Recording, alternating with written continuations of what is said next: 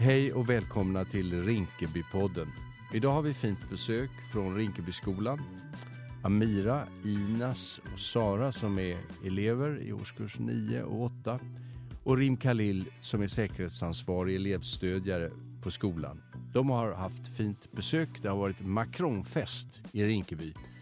Presidentens hustru Brigitte Macron tillsammans med drottning Silvia besökte skolan och fick höra om de bättre och förbättrade resultaten i Rinkeby. De ska vi tala med, men först eh, ska, ska vi beskriva den nya gig-ekonomin. Anders Teglund, författare och musiker, har skrivit två böcker om cykelbuden som ni säkert har sett i stan eller här i förorten med rosa paket på ryggen. Anders har skrivit en bok om cykelbuden och ytterligare en bok om de som styr buden. Boken Slavdrivaren. Anders är med på länk från Göteborg. Hej Anders Teglund och välkommen till Rinkebypodden. Tack så mycket. Vi, vi har, Anders är inte precis här i rummet men vi ser honom och han ser ut som en rock'n'roll-artist från 70-talet. och det är du också, eller hur? Ja, nästan 80-talet, 80 men, men, eh, då var jag ju ganska liten mest. Men, ehm, men jag spelar musik, ja. det stämmer ju. Ja, just det. Så och du... jag är väl ganska o, ovårdad just nu. Jag ska gå och klippa mig sen idag. Ja, men gör inte det, utan tvärtom. Det, det ovårdade är ju perfekt. Och det passar också ja. i någon mening samtalet som handlar om eh, cykelbud. Du, Anders, du har skrivit två böcker. En som heter Cykelbudet och en som heter Slavdrivaren. Stämmer inte det? Det stämmer, ja. Så är det. Och det är en yrkeskategori som vi är ganska väl eh, bekanta med i eh, Rinkeby, nämligen eh, eh, killar, för det är väl framförallt killar som kör ut mm. mat i huvudsak, är det inte så?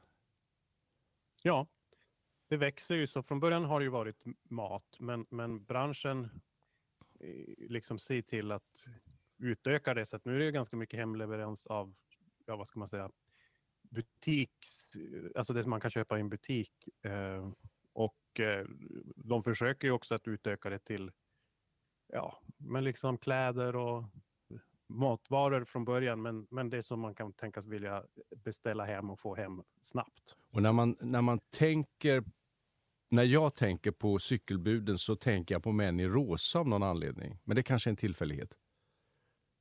Eh, det är en svensk erfarenhet tror jag mycket för att här är det rosa företaget Foodora så, så dominerande. Ah.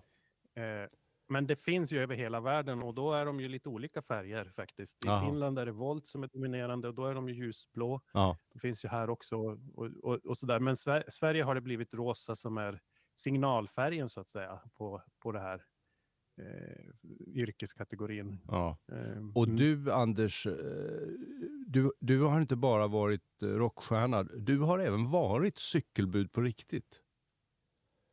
Ja, precis. Jag jobbade ett och ett halvt år som bud. Det blev något jag gjorde när pandemin kom. Så mm. då förändrades ju allt ganska snabbt för mig och jag behövde göra något och finna en ganska snabb försörjning ja. och då tog jag jobb som bud. Jag gillade att cykla så tänkte jag att nu när världen ligger nere kan jag väl cykla och eh, så hade jag en tanke om att jag kanske kan skriva om, om den här tillvaron som gigarbetare som jag ju redan är i, som musiker och kulturarbetare. Och vad är det för skillnad på att vara cykelbud då? Sen mm. så hade jag ingen längre tanke än så, utan jag började cykla och som vi alla vet blev ju pandemin mycket längre än vad man först pratade om och jag blev kvar och började engagera mig fackligt. Och det blev en del, ganska stor del av min tillvaro där och jag skrev om det också. Och hade väl tänkt fortsätta så länge jag kunde men, men blev ju egentligen av med jobbet ungefär samtidigt som boken släpptes. Ja, som rockstjärna så vet du ju hur det är man, när man... Du vet ju väl hur det är när man laddar för en föreställning och så kommer föreställningen och sen så är det en slags uh, eufori blandat med tomhet efteråt. Hur är det för cykelbudet när du, när du kliver av cykeln? ja, det, är inte, det är inte samma post production, kanske existentiell tomhet på det sättet. Men men det man gör är ju egentligen att man kollar hur mycket pengar blev det här då? Ja. Alltså så, här, så, att det ekonomiska finns, man får det liksom statistik för att man lever ju ganska mycket på hur mycket leveranser man har gjort. Eh, och man försöker kanske också få fler pass, eh, se, se till så att, så att det är ganska så mycket mer materiellt sådär. Man är väl också förmodligen hungrig.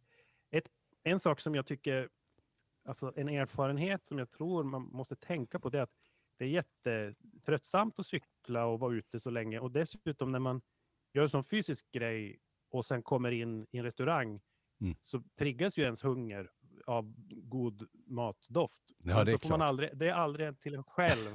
Så att man befinner sig i pizza, hamburgare, sushi, thaimatsdoft. Och man är ständigt hungrig. Utför ganska, man är ständigt hungrig ja. på något sätt. Och Men du, får inte, du, möts inte av ju, samma, du möts inte av samma applåder efteråt som du gör som rockstjärna? Nej, Nej det, är en, det, det, är ju den stora skillnaden egentligen om man, om man ser det om man ska jämföra det så handlar ja. det ju om status och, ja. och, och exponering framförallt. Att cykelbuden eh, är en osynliggjord liksom, kategori och det upplevde jag. Det ja. var skillnad bara ja, hur, vanliga kläder hur, och rosa hur, kläder. Hur blir du bemött som cykelbud av eh, allmänheten? Eh, det kan nog variera ganska mycket, men, men den stora upplevelsen var ju att, att man inte syns eller liksom att man mm. uppfattar mm. att man man passerar obemärkt eller man står mitt i en restaurang och ingen förutom den som jobbar där kanske noterar en sådär. Eh, sen vet jag att många bud som också brukar prata om att de blir illa bemött på gatan i de här kläderna och kan, ja. det, det, förekommer att folk liksom kastar skräp och ropar. Eh, liksom. Och det har nog att göra med att de har så ganska låg status och, mm. och, och, har man det och rör sig på stan så kan man få höra en del. Liksom. Så är det. Och mm. eh, den här årstiden så är ju bland det man minst skulle vilja göra är att cykla genom en snöstorm i 6 graders kyla. Så jag, jag föreställer mig ja. att det är ett ganska, periodvis ett ganska hårt arbete. Absolut. Och, och och det är ju dessutom så att ju sämre väder det blir, desto ja. högre tryck blir det på beställningar. Ja, det är klart. Det går ju, det går ju ihop så att ju, ju, om prognosen är nu är det skitväder så behövs det fler bud för då ja. vill konsumenterna inte heller gå ut. Nej. Om svårigheterna ökar i termer av eh, dåligt väder mm, och eh, kanske eh, tät trafik, eh, krävande kunder, påverkas din ersättning under sådana villkor? Eh, I regel inte. Jag har sett någonting, det hände inte under den tiden jag jobbade, men jag har sett något. Det finns ett, det finns ett samtal kring att de ska få bättre lön om det är sämre väder. Ja, någon slags obek obekväm arbetstid eller något i den stilen? Ja, men det rör, det rör sig om fem kronor. Liksom. Det är ja, den nivån. Fem kronor ja. per timme eller per leverans. Så det, det är liksom en sån symbolisk ersättning. Eh, men sen, eh, efter du hade eh, skrivit boken Cykelbudet så, så kom nästa bok, tvåan om man säger så, eh, ja. som heter Slavdrivaren. Mm. Och den har eh, en lite annan ingång, eller hur? Jag blev uppsökt av en person som jobbar bakom skärmarna med, han kallas dispatcher. Han fördelar eh, arbete men, men också framförallt täcker upp där. Man tänker att det är en, en dator som sköter det mesta av arbets ledningen, men den funkar inte alltid utan det behövs en människa ibland som styr upp det och framförallt när det är bud som inte vill göra en leverans, då kommer det in någon som säger nej men det här måste du. Och när man jobbar som bud så tänker man att man hela tiden nästan chattar med en dator. Ja. Men det finns då människor som gör det också. Och Dennis, som han heter, kontaktade mig ja. och ville berätta om sin perspektiv bakom skärmarna så att säga. Ja. Och han jämförde det, han sa väldigt tidigt att det är som att vi driver en slaverifirma här och eh, jag är satt till att driva slavarna. Alltså det var en upplevelse han hade och det var ju ett bruk av ord som ja, många använde. Många som andra bud hade sagt så till mig, så jag känner mig som en slav här. Mm. Och, så då började jag också, först så tänkte jag att det där är bara ett sätt att prata på. Mm. Och så sen, men sen började jag tänka, så men vad, hur kan det ens vara, ha betydelse i vår tid så att säga? Varför, varför är lik, det är en liknelse, varför är den um, varför fungerar den? Varför förstår vi någonting av den? Det finns ju mycket annat från gammalt som vi inte alls skulle begripa. Men jag började läsa på om slavdrivarens roll och, och den är ju någon slags privilegierad undersåte som är höjd upp ett snäpp för att styra över andra personer i en ganska eh, utsatt situation. Och det visade sig att det fanns en del arv från slaveriet som handlar om just arbetsdelning, arbetsledning och eh, hur man får andra att eh, arbeta. Och det arvet blev ganska synligt just här. Du, här du, känner ju till, eh, de, du känner ju till de här undersökningarna när man eh, utsätter människor för plågsamma experiment och eh, hur stor betydelse det är att, att man har order från någon annan som är, helt, som är helst opersonlig, som inte är engagerad i eh, i relationen mellan ja. den som ger order och den som tar order. Eh, det måste ju vara lättare, det här är en fråga egentligen, det, ja. det måste vara ja. lättare att ta instruktioner från en maskin än från en annan människa. För cykelbudet. Ja, Mentalt kanske lättare. faktiskt. Ja, eh, det är både och. Man, man får någon slags personlig relation även till maskinen där man känner att eh, den, den, eh, den har nog en personlighet. Ja, för att den strular ibland och då blir man liksom... det är någonting när man umgås så många timmar med, med, med någon i relation ja. så får man ändå någon slags anknytning. Det händer ju. Det är speciellt alltså. Och hur, eh, att, hur, hur gör men man det konstiga var ju att det var ju, ibland, det var ju ibland en människa. Plötsligt en människa och inte så att man visste ju inte riktigt. Kan man äh, agera på ett speciellt sätt som cykelbud för att äh, koppla ur maskinen och, och få in äh, dispatchen, slavdrivaren istället? ja, och det, det, berättade Dennis att, att buden började göra. Liksom klicka sig, svara så pass så att de nådde en människa. Ja. Och, och, bu, och budföretagen såg till att göra det liksom längre och längre bana till att människan skulle gripa in. Ja. Och, och buden kanske svarade då, det, svar som inte egentligen var hade med deras ärende. Deras ärende var kanske, jag vill inte jobba nu. Jag vill att ni sätter bort den här beställningen. Men det kan man inte trycka. Man måste trycka acceptera beställning. Det finns bara en knapp. Så jag, då måste man liksom hitta ett väg runt det. Jag tycker jag känner igen det där från, i, i eh, min egenskap som kund när man vänder sig till en bank eller ett företag som säljer prylar att det är svårare och svårare att komma fram till en levande människa. Men man vet att någonstans långt bortom den sista algoritmen så sitter en levande människa som man faktiskt kan tala med. Ja. Du, eh, ja, det... sla slavdrivarna måste, det måste finnas olika varianter här. Alltså slavdrivare som är plågade av att driva cykelbudet. Men jag, jag, jag kan också spekulativt föreställa mig att det finns dispatchers, slavdrivare som njuter av att de faktiskt bestämmer över en annan människa. Eh, det kan man nog tänka, absolut. Jag har ju följt en person här, men även det tyckte jag var intressant för att han var väldigt ombytlig och ambivalent kring sin egen roll. Ibland kunde han liksom tycka synd om buden, men i nästa stund så tyckte han inte synd om buden och sa att de är slöa och var, varför jobbar de här? De har ett eget val att vara någon annanstans. Och, mm. Så att han var väldigt illojal på något sätt och, och väldigt ambivalent kring sin egen roll. Han liksom tyckte inte om buden, han tyckte inte om ledningen och inte sig själv. Och den erfarenheten av att vara så klämd, det, det, det såg jag igen i, i liksom historiskt material också. Att det finns liksom ingen riktig kanske då plats för den här eh, som både är förövare och offer på något sätt. Och eh, historiskt sett så har det varit mycket mer blodigt så att säga, men, mm. men hans position här är väldigt eh, liksom han är, utför, är satt att utföra ett arbete som på något sätt har moraliska tveksamheter. Han måste tvinga folk att göra förlustuppdrag och tvinga folk ut i väder även fast de inte vill. Och men det är inte han som gör det, men det är hans liksom, ärende sådär. Och det gör att han, han blir ganska frustrerad och sitter hemma och, och, och liksom frustrationen pyser ut ibland. Liksom. Ja, det är klart. Mot buden eller mot annat. Tjänar eh, dispatchen bättre än cykelbudet?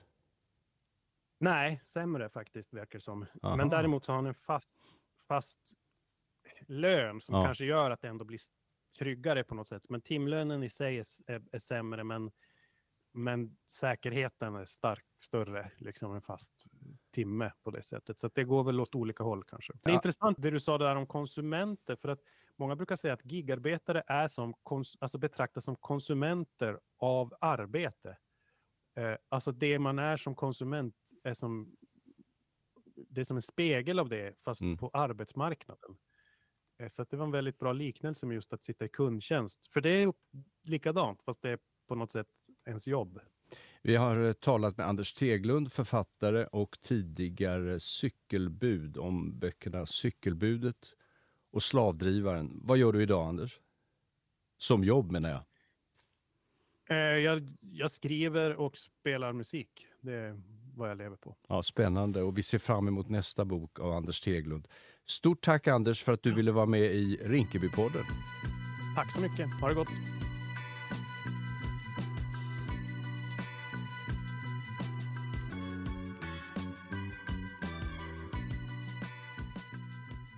Idag har vi eh, fint besök från Rinkebyskolan.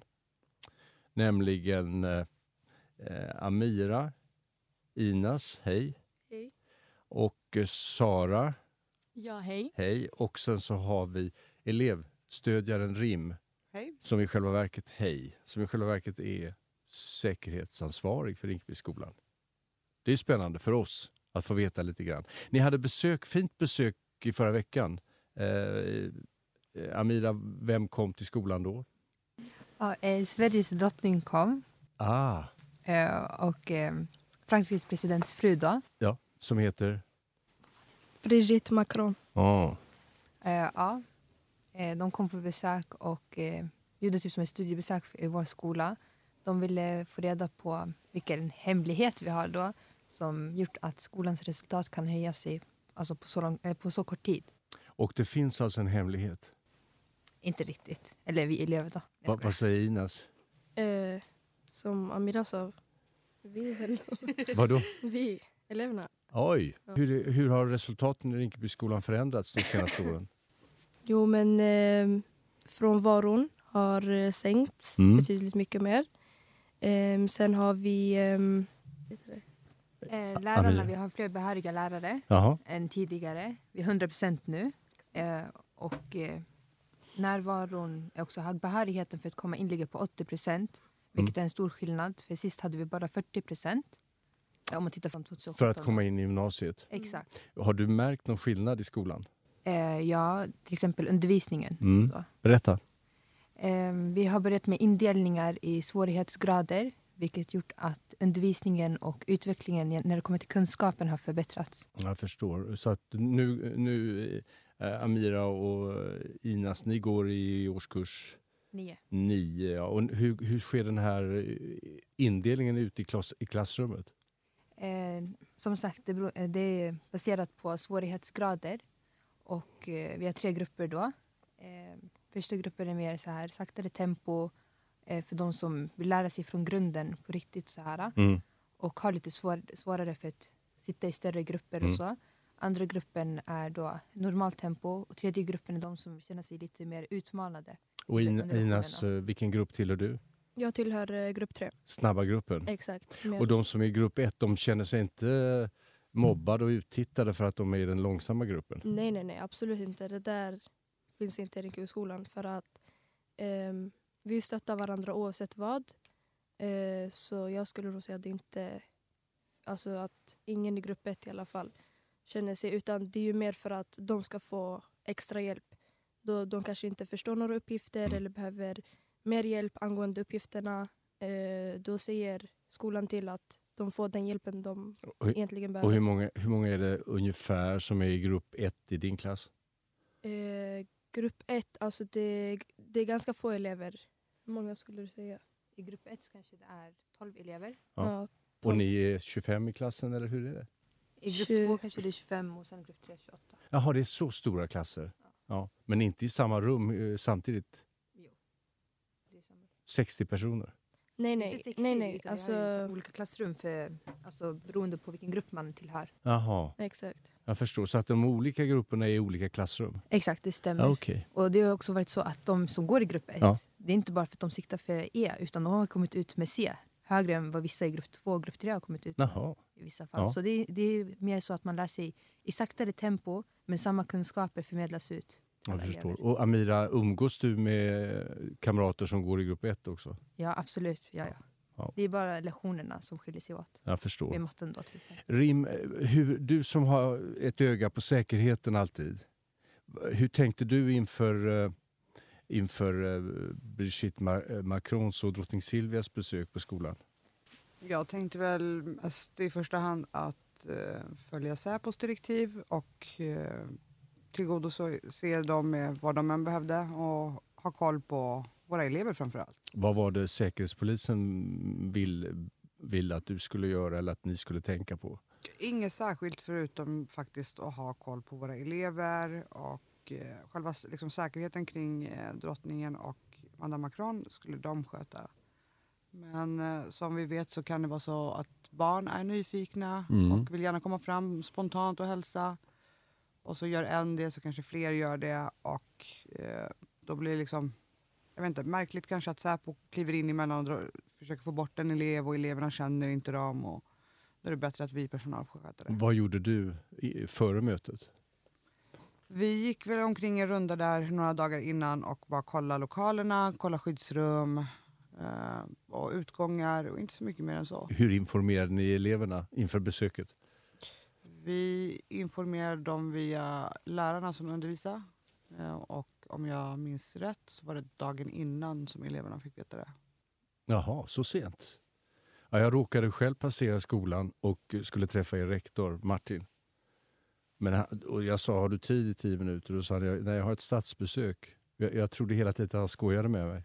Men sen så när jag kom ut så såg jag att det drällde av säkerhetsfolk och poliser och franska flaggan vajade. Hur känns säkerhetsarbetet Rim? Är det spännande?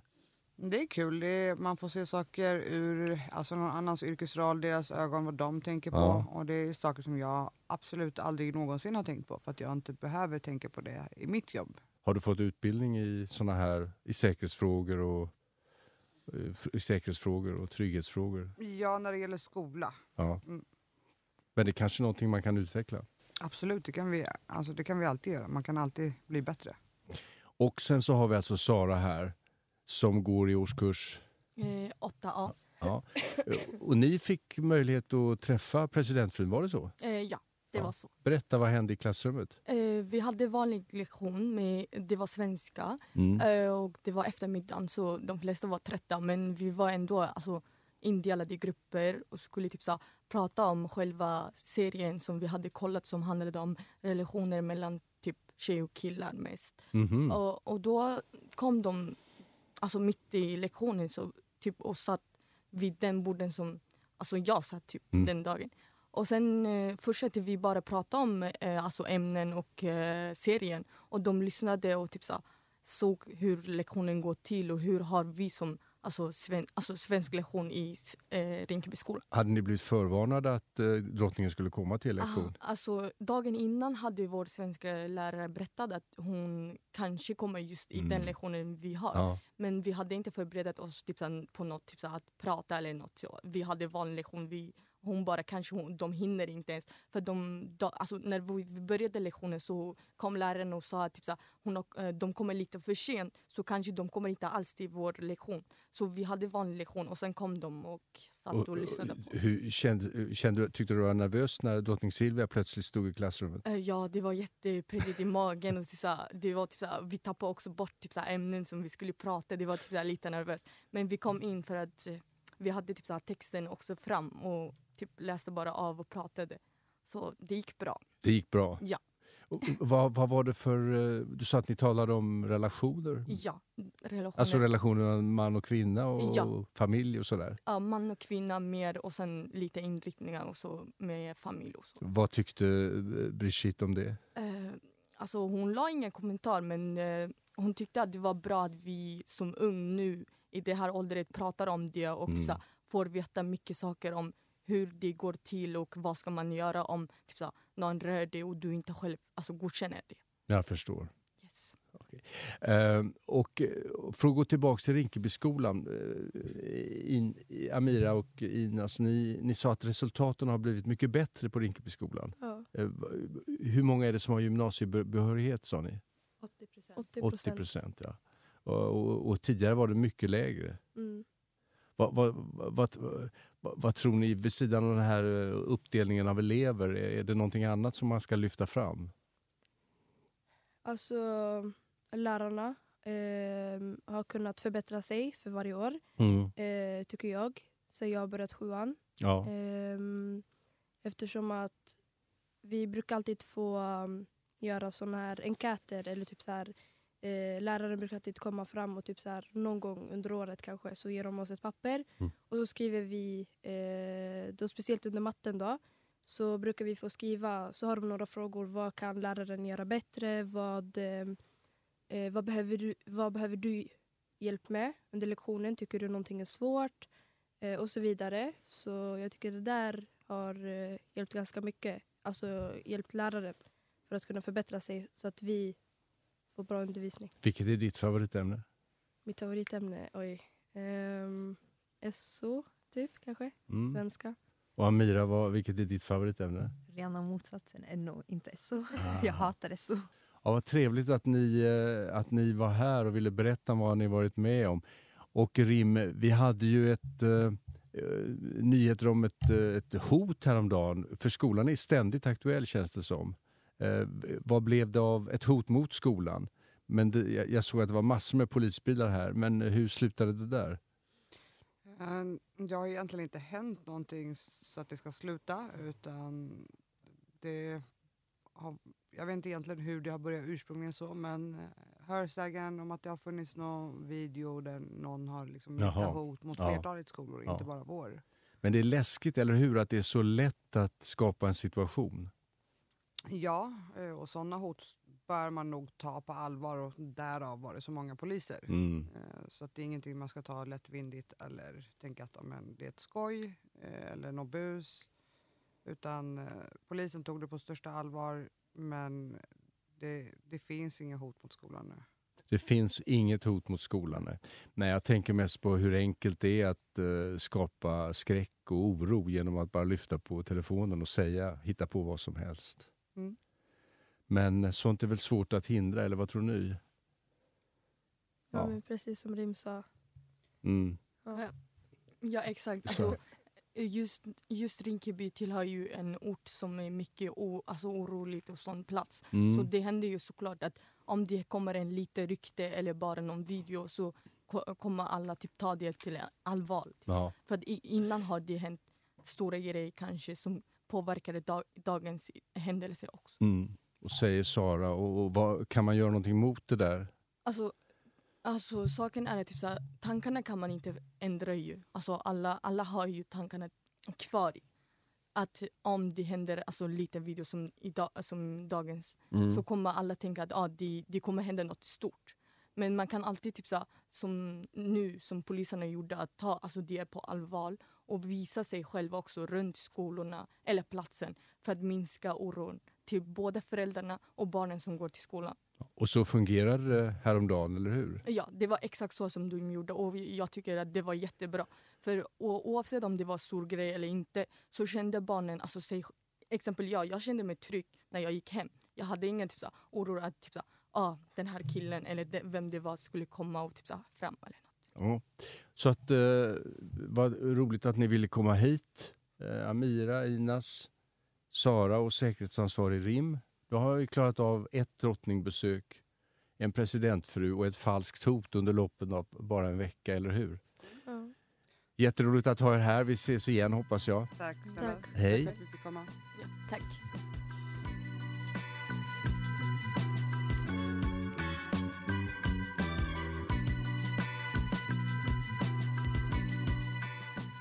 Du har lyssnat på Rinkebypodden med besök från Rinkebyskolan där det var Macronfest och författaren Anders Teglund om gigekonomin. Rinkebypodden är en podd från Rinkeby Folkets hus. Producent var Elisabeth Pollack. Jag heter Carl Hamilton. Tack för att ni har lyssnat. Vi hörs igen.